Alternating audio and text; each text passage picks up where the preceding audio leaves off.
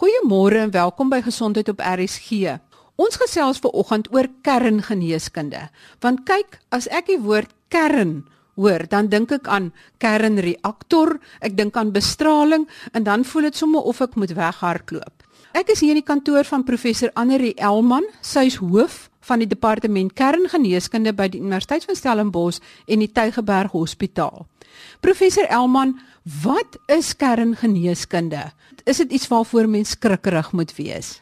Dit is definitief nie iets waarvoor 'n mens skrikkerig moet wees nie, anders sou nie een van ons daarin wou gewerk het nie. Kerngeneeskunde is wat hulle in Engels noem nuclear medicine en dit kom basies daarvan dat ons wel met radioaktiwiteit werk, maar in baie klein dosisse. So kerngeneeskunde is een van die spesialiteitsrigtings wat 'n dokter in kan spesialiseer mens moet 'n mediese graad hê om 'n kerngeneeskundige te kan word, maar ons het dan natuurlik ook ander mense soos radiograwe en mediese fisici wat saam met ons werk.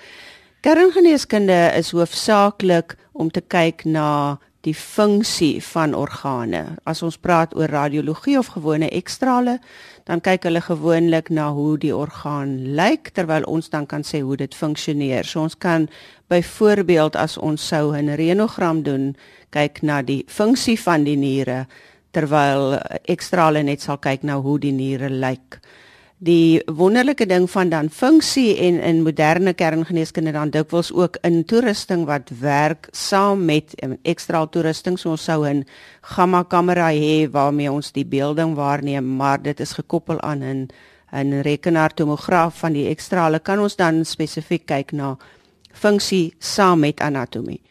So die spesifieke toerusting wat ons dan gaan gebruik gaan die gamma strale wat van die radioaktiwiteit wat ons gebruik uitgestraal word, opvang en dan vir ons 'n beeld daarvan gee.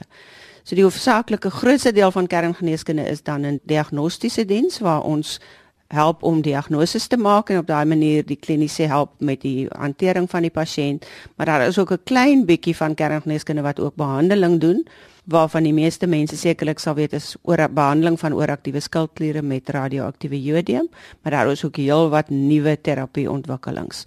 So kerngeneeskunde is dan 'n diagnostiese en 'n terapeutiese fasiliteit. Wat doen 'n kerngeneeskundige? 'n Kerngeneeskundige is nog steeds 'n mediese dokter. Ons eerste prioriteit is nog altyd pasiëntsorg om te seker te maak dat dit goed gaan met ons pasiënte.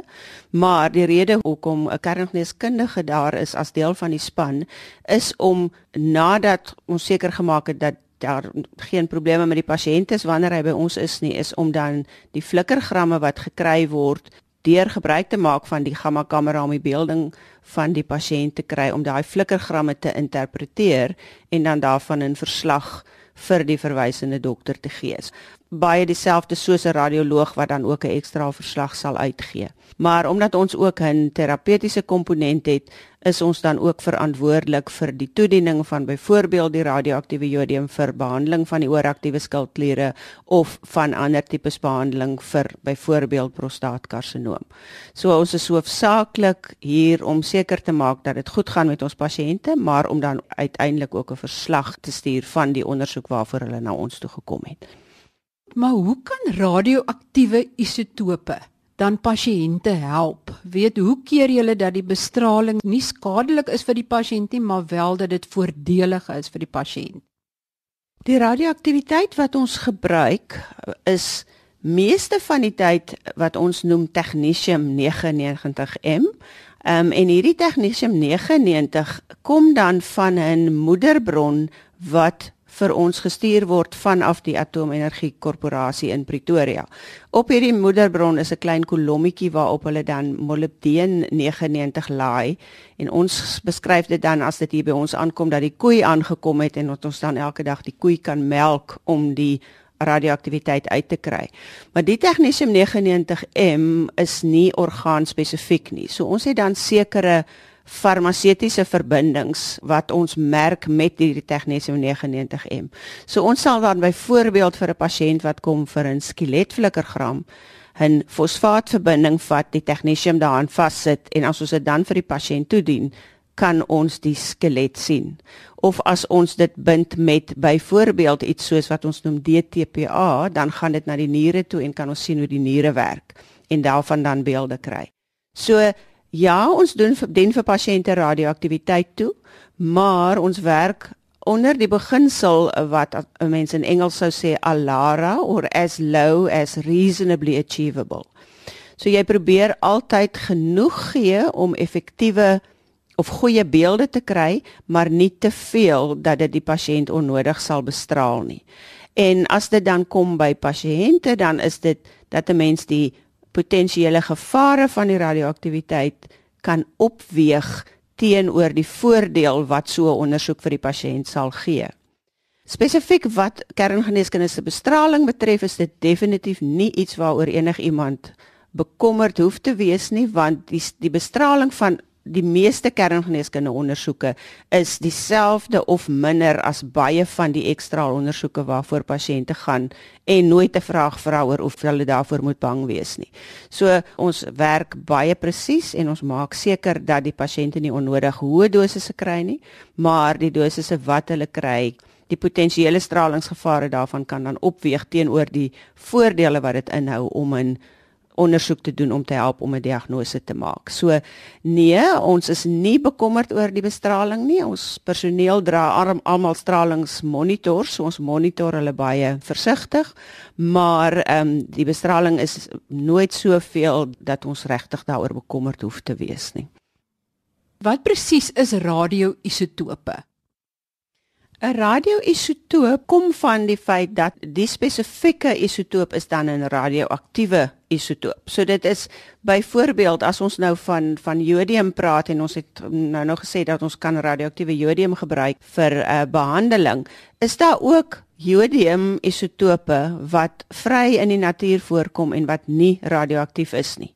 Maar as hy dan in 'n sekere verhouding is wat sy elektrone en sy protone binne in die atoom is, dan word hy radioaktief. En hoekom word hy radioaktief genoem? Want hy het dan te veel energie wat op een of ander manier uitgestraal moet word om daai isotoop weer nie radioaktief te maak of om hom in 'n neutrale energiestaat te kry. En die strale wat dan uitgestraal word as daardie radioaktiewe isotoop dan verval is dan die gammastrale wat ons gebruik vir ons beelding. So dit is meeste van die tyd iets wat wel in die natuur voorkom soos byvoorbeeld radioaktiewe jodium kan natuurlik ook voorkom. Die technetium 99M wat ek gesê het ons meestal gebruik is 'n mensgemaakte isotoop. So dit kom nie natuurlik in die natuur voor nie. Maar die hele beginsel van kerngeneeskunde is dat ons dan die verval van die radioaktiewe isotoop gebruik en die manier hoe hy verval spesifiek deurdat hy gammastrale uitstraal is dan wat ons in ons kameras gebruik om die beelde te kry ander term wat jy gebruik is halfleeftyd. Wat beteken dit en gebruik jy dan radioaktiewe materiaal wat gou verval sodat dit gou uitgewerk word of gou onskadelik is? Ja, daar is verskillende half leeftye of halveertye vir die verskillende radioaktiewe isotope. Byvoorbeeld jodium 131 wat ons vir behandeling gebruik het in 'n halveertyd van 8 dae maar technetium 99M het 'n halfweertyd van net 6 uur. So ons probeer om die radio isotoop te gebruik met die kortste moontlike halfveertyd, maar dit moet natuurlik lank genoeg wees vir ons om nog steeds ons ondersoeke te kan voltooi. So as dit 'n ondersoek is wat binne 1 dag klaar gedoen gaan word, soos byvoorbeeld 'n beenvlekkegram of 'n renogram wat binne 2-3 uur klaar is, dan is dit goed genoeg om technetium 99M te gebruik en is ook baie goed vir die pasiënt want dit beteken die bestraling is ook minder. Maar as ons byvoorbeeld wil kyk na pasiënte met skildklierkankers waar jy wil kyk dat dit eers ingebou word in jou hormone en die proses daar wil volg, dan is dit goed as jy 'n isotoop het met 'n langer halfleeftyd. As ons ook praat van behandeling, dan is dit ook beter om 'n isotoop te hê met 'n langer halfveertyd omdat dit dan langer in die liggaam nog aktief bly. So vir gewone diagnostiese ondersoeke probeer ons gewoonlik 'n korter halfveertyd isotoop gebruik vir terapeutiese doeleindes gewoonlik 'n langer een. Ons kan nie alle ondersoeke met technetium 99m doen nie. So daar is sekere ondersoeke wat gedoen moet word met isotope met 'n langer halfweertyd en dan kyk 'n mens weer krities na die dosis wat jy vir die pasiënt toe doen om sodoende die bestraling so laag as moontlik te hou al bly hy baie langer aktief in die liggaam. Word julle self aan radioaktiwiteit blootgestel?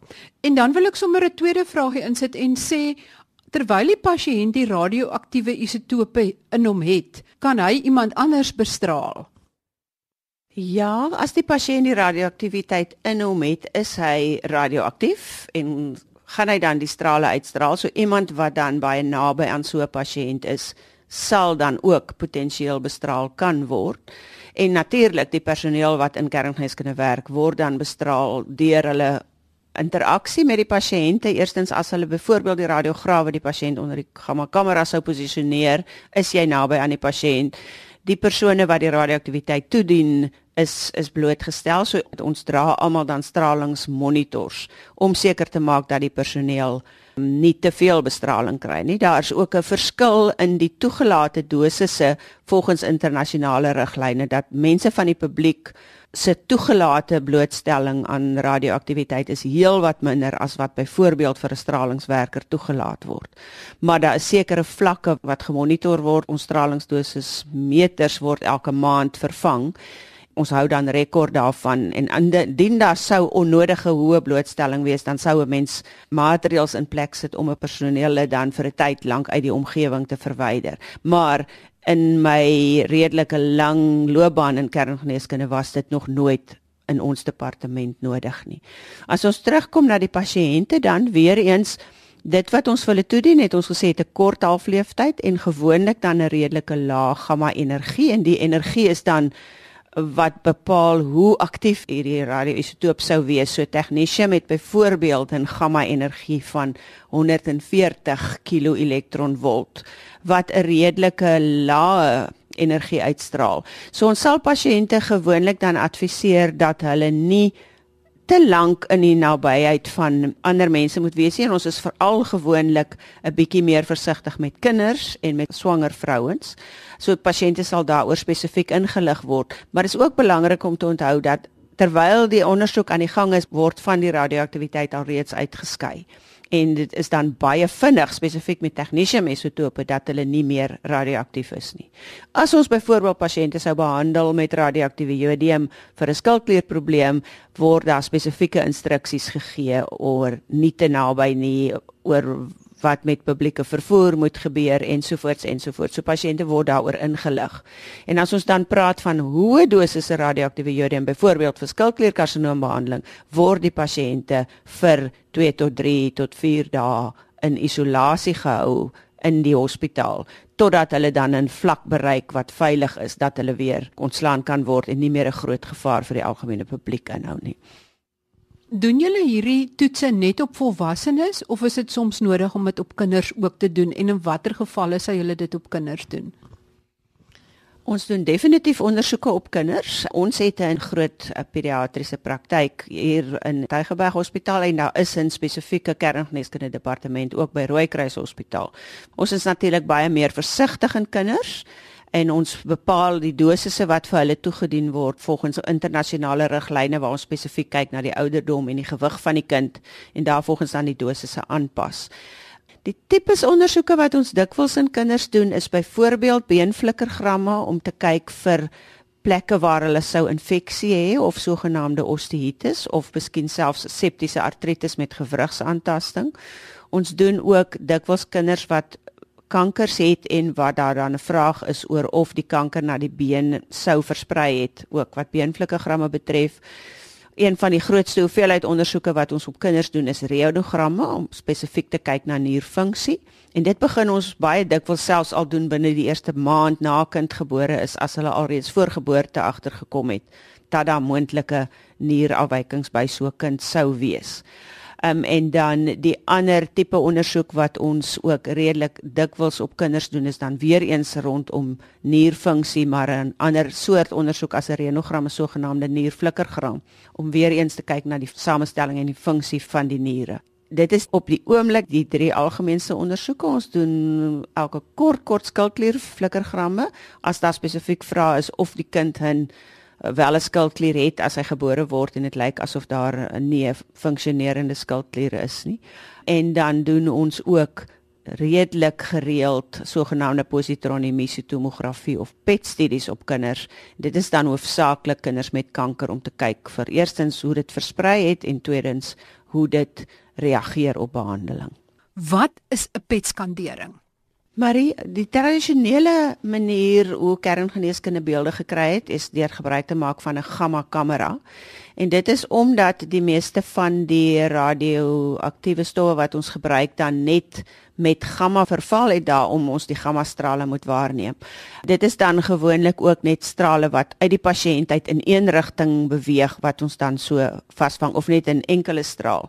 Positroniemisietomografie of sogenaamde PET is dan 'n ander manier van verval van 'n radionukleïd wat spesifiek 'n positronstraler is. En dit is hoekom dit dan ook 'n PET-kamera genoem word. So 'n positronstraler verval deurdat daar twee gamma-strale van 'n spesifieke energie in presies 180 grade verskillende rigtings uitgestraal word. So met 'n PET-kamera neem 'n mens dan die twee strale waar wat opponerend tot mekaar is en jy kan dan op daai manier baie makliker die presiese lokalisasie van waar dit plaasgevind het vasstel en dan daardeur ook baie makliker presies lokaliseer waar in die liggaam die beeld is.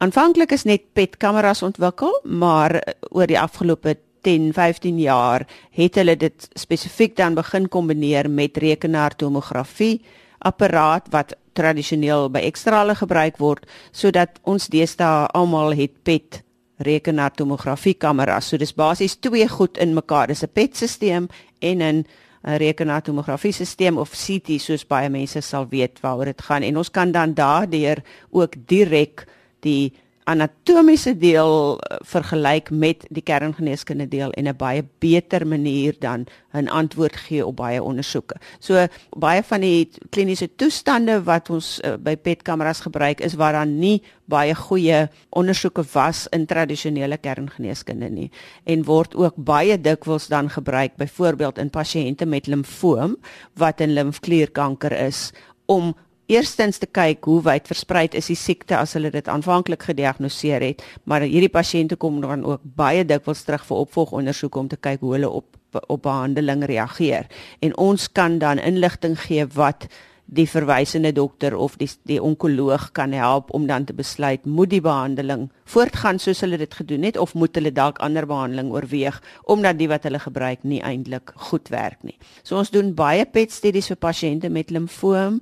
Ons doen uh, baie pasiënte met longkanker wat ook een van die baie belangrike kankers in Suid-Afrika is. Ons doen baie ondersoeke in pasiënte met servikskarsinoom wat die tweede mm, belangrikste kanker op die oomblik in Suid-Afrika aan vroue is om seker te maak dat die pasiënt korrek gestadieer is. Dit wil sê dat die onkoloog weet presies waar die siekte is wat dan ook die behandeling sal bepaal. En as hierdie pasiënte in 'n goeie stadium nog is, kan hulle redelik intensiewe behandeling kry wat moontlik hulle kan gesond maak. Maar 'n mens wil hulle nie onnodig aan hierdie soort van behandeling blootstel as hulle reeds gever gevorderde siekte het nie. Dit is die paar karsinome, daar's 'n hele klompie ander wat pasiënte ook gereeld ver, verwys word, maar die mees algemeen is op die oomblik is dan longkanker, limfoom, en servieskanker waarvoor ons pasiënte wel verwys word. Het julle iets te doen as daar dalk 'n kernongeluk by Kuiberg is? Ons is nie direk betrokke by enige van Kuiberg se werk nie. Vroeger jare was daar wel in Tygerberg Hospitaal 'n heelliggaamteller waar mens sou kon bepaal hoeveel bestraling so 'n pasiënt gekry het en waarmee hy gekontamineer is as daar sou 'n ongeluk wees. Kuiberg het op die oomblik hulle eie heliggaamteller, so die basiese evaluering sal wel by Kuiberg self gedoen word. Indien van die werkers sou beseer wees en hulle dan 'n pasiënt word, dan is dit natuurlik nou 'n ander saak want dan het hulle mediese hulp nodig. In so 'n geval het Tygerberg Hospitaal wel 'n stralingsbeseringsfasiliteit wat teaters insluit waar pasiënte dan sou hanteer kon word. Hulle sal dan eerstens hanteer word vir 'n mediese toestand wat gewoonlik dan die beserings is en die bestralingsdeel daarvan sou dan van sekondêre belang wees. So die personeel wat dan sou betrokke wees by die hantering van so 'n pasiënt is dan goed opgelei om dan ook die nodige beskermingsmaatreëls te tref sodat die personeel dit nie bestraal word nie want ons primêre eerste verantwoordelikheid sou wees om die pasiënt te hanteer en later eers bekommerd te wees oor die feit dat hy ook toevallig gekontamineer is met radioaktiwiteit. En ons sal dan as deel van die span van Tygerberg raad gee rondom die bestralingsaspekte. Maar die mense wat die meeste dan hiermee sou werk is die mediese fisiese wat ook deel is van die die groter span binne die, die stralingsdissiplines wat stralingsonkologie en radiologie insluit. En hulle is dan die eerste mense wat sou advies gee oor hoe die pasiënte hanteer moet word van 'n bestralingsongevalle kant af maar dit is 'n spesiale eenheid hier by Tygerberg Hospitaal. Die ambulanse kan sommer reguit inry sodat die bestralingsgevaar dan eintlik so klein as moontlik bly. Vertel vir ons 'n paar interessante feite oor kerngeneeskunde wat die publiek nie altyd besef nie. Wat is nuut op hierdie gebied? Iets wat mense waarskynlik nie weet nie, is dat die Kernenergie Korporasie of die Atoomenergie Korporasie van Suid-Afrika wat bo by Pelindaba naby Pretoria geleë is, een van slegs 3 fasiliteite in die wêreld is wat hierdie molibdeen generators waarvan ons vroeër gepraat het produseer. En daarom waar ook al mense op internasionale vlak beweeg en jy sou 'n potensiële eh, gesprek hê rondom die beskikbaarheid van technetium 99m of dan die molibdeen technetium generators word Suid-Afrika se naam altyd genoem. Ons reaktor bo by Pelindaba is redelik oud, maar hy funksioneer nog baie goed en ons is baie trots daarop dat ons kan sê ons is dan een van die groot verskaffers van molibdeen wêreldwyd. So dis iets waarop ons as Suid-Afrikaners regtig baie trots kan wees. Wat nuwe ontwikkelinge in kerngeneeskunde betref, is die baie interessante nuwe ontwikkeling op die oomblik baie rondom terapie gebaseer die, die nuwe woord wat deesdae gebruik word is sogenaamde molekulêre beelding omdat alles mos nou maar gekyk word op 'n lae molekulêre vlak en kerngeneeskunde is dan ideaal omdat ons deur ons fisiologiese funksionering regtig op 'n molekulêre vlak kan kyk. 'n Nuwe woord wat deesdae redelik wyd gebruik word is sogenaamde theranostics wat dan basies beteken dat jy die kerngeneeskunde beeldingsdeel van die molekulêre medisyne gebruik om seker te maak of 'n pasiënt met radioaktiwiteit behandel sou kon word. Om miskien een voorbeeld daarvan te noem is pasiënte met prostaatkarsinoom het 'n spesifieke reseptor in die prostaatkanker en ook in die verspreidings daarvan. As ons 'n gemerkte radioaktiwiteit gebruik en vir hom inspuit en dit is dan sogenaamde gallium 68 gemerkte PSMA en die PSMA staan vir prostaatspesifieke membraan antigeen, dan sou jy 'n prentjie kan kry van hoe wyd versprei is die siekte. En as jy dan weet dat dit wel opneem in baie van die letsel, sou jy daai spesifieke PSMA dan kan merk met 'n ander radioisotoop en in ons geval gebruik ons nou lutetium 177 en dan kan jy ook die prostaatkarsinoom behandel eh, met lutetium gemerkte PSMA. Daar is natuurlik spesifieke kliniese gevalle waarin dit wel gebruik kan word. So op die oomblik in Suid-Afrika is daar 'n hele paar sentra veral in die akademiese hospitale wat wel hierdie behandelings kan doen. Ons gebruik byvoorbeeld lutetium gemerkte Doutanoc of Doutatite om beelde te kry van spesifieke neuroendokriene tumore wat 'n redelike skaars tipe kanker is, maar wat 'n mens dan ook met die lutetium kan behandel. So ons het in uh, ongeveer in 2013 in Suid-Afrika begin met hierdie behandeling. By Tygerberg so 'n bietjie later, eers in 2015 begin, maar ons ons is dan in die unieke omstandighede waar ons met behulp van die PET-kamera deur gebruik te maak van galliumgemerkte radiofarmaseutika die beelding kan kry om te bepaal of dit wel sal werk om hierdie pasiënte met lutetium te gebruik. So dit is waar die konsep theranostics dan vandaan kom, so 'n mengsel van therapy en diagnostics. En en dit is dan wêreldwyd uh, besig om baie vinnig te groei. En almal van ons is baie opgewonde oor die nuwe goed wat ons nou ook vir ons pasiënte kan bied. As jy in een sin vir die publiek 'n boodskap moet gee, wat sal dit wees? Ek dink die belangrike boodskap is dat die publiek moet weet dat kerngeneeskunde nie gevaarlik is nie. Dat dit 'n groot waarde het om te help met die diagnose van verskeie siektetoestande, nie net verskillende kankers nie, maar ook ander tipe van van siektetoestande. En dat hulle altyd moet weet dat ons die Alara beginsel volg wat sê as low as reasonably achievable en dat ons ons bes probeer om vir hulle so min as moontlik radioaktiwiteit te gee, maar nog steeds 'n goeie antwoord te kan gee. En dat die bestralingsdosisse wat van van kerngeneeskunde ondersoeke afkom vergelykbaar is met die van ekstrale waarvoor min mense eintlik bang is. So vinnig kom ons dan alweer aan die einde van hierdie program, maar gaan kyk gerus op www.rsg.co.za want ek het daar prentjies gelaai oor hoe lyk die liggaam met die hulp van so 'n flikkergram of met 'n PET-skandering. Ek moet ook hierby invoeg dat mense soos professor Elman baie tyd in Wene spandeer en die rede is omdat die hoofkantoor van die internasionale atoomagentskap Oftewel die IAEA e is in Wene geleë en Suid-Afrika se kundigheid op kerngeneeskundige gebied word baie baie hoog aangeslaan. En net so 'n laaste opmerking oor bestraling en radioaktiwiteit. Onthou as jy in 'n vliegtuig ry, is daar reeds verhoogde agtergrondbestraling en die mense wat in die Parel bly en op daai granietrotse is eintlik voortdurend aan laaggraadse radonbestraling blootgestel. Tot volgende week wanneer ons gesels oor wat is die nuutste in pasaangeers want die kleinste pasaangeer en boonop sonder koorde is pas in Suid-Afrika in Kaapstad op 'n pasiënt ingeplant. So ons gaan kyk na pasaangeers en ook binnekort oor genetiese toetse vir borskanker. Tot volgende week dan. Totsiens.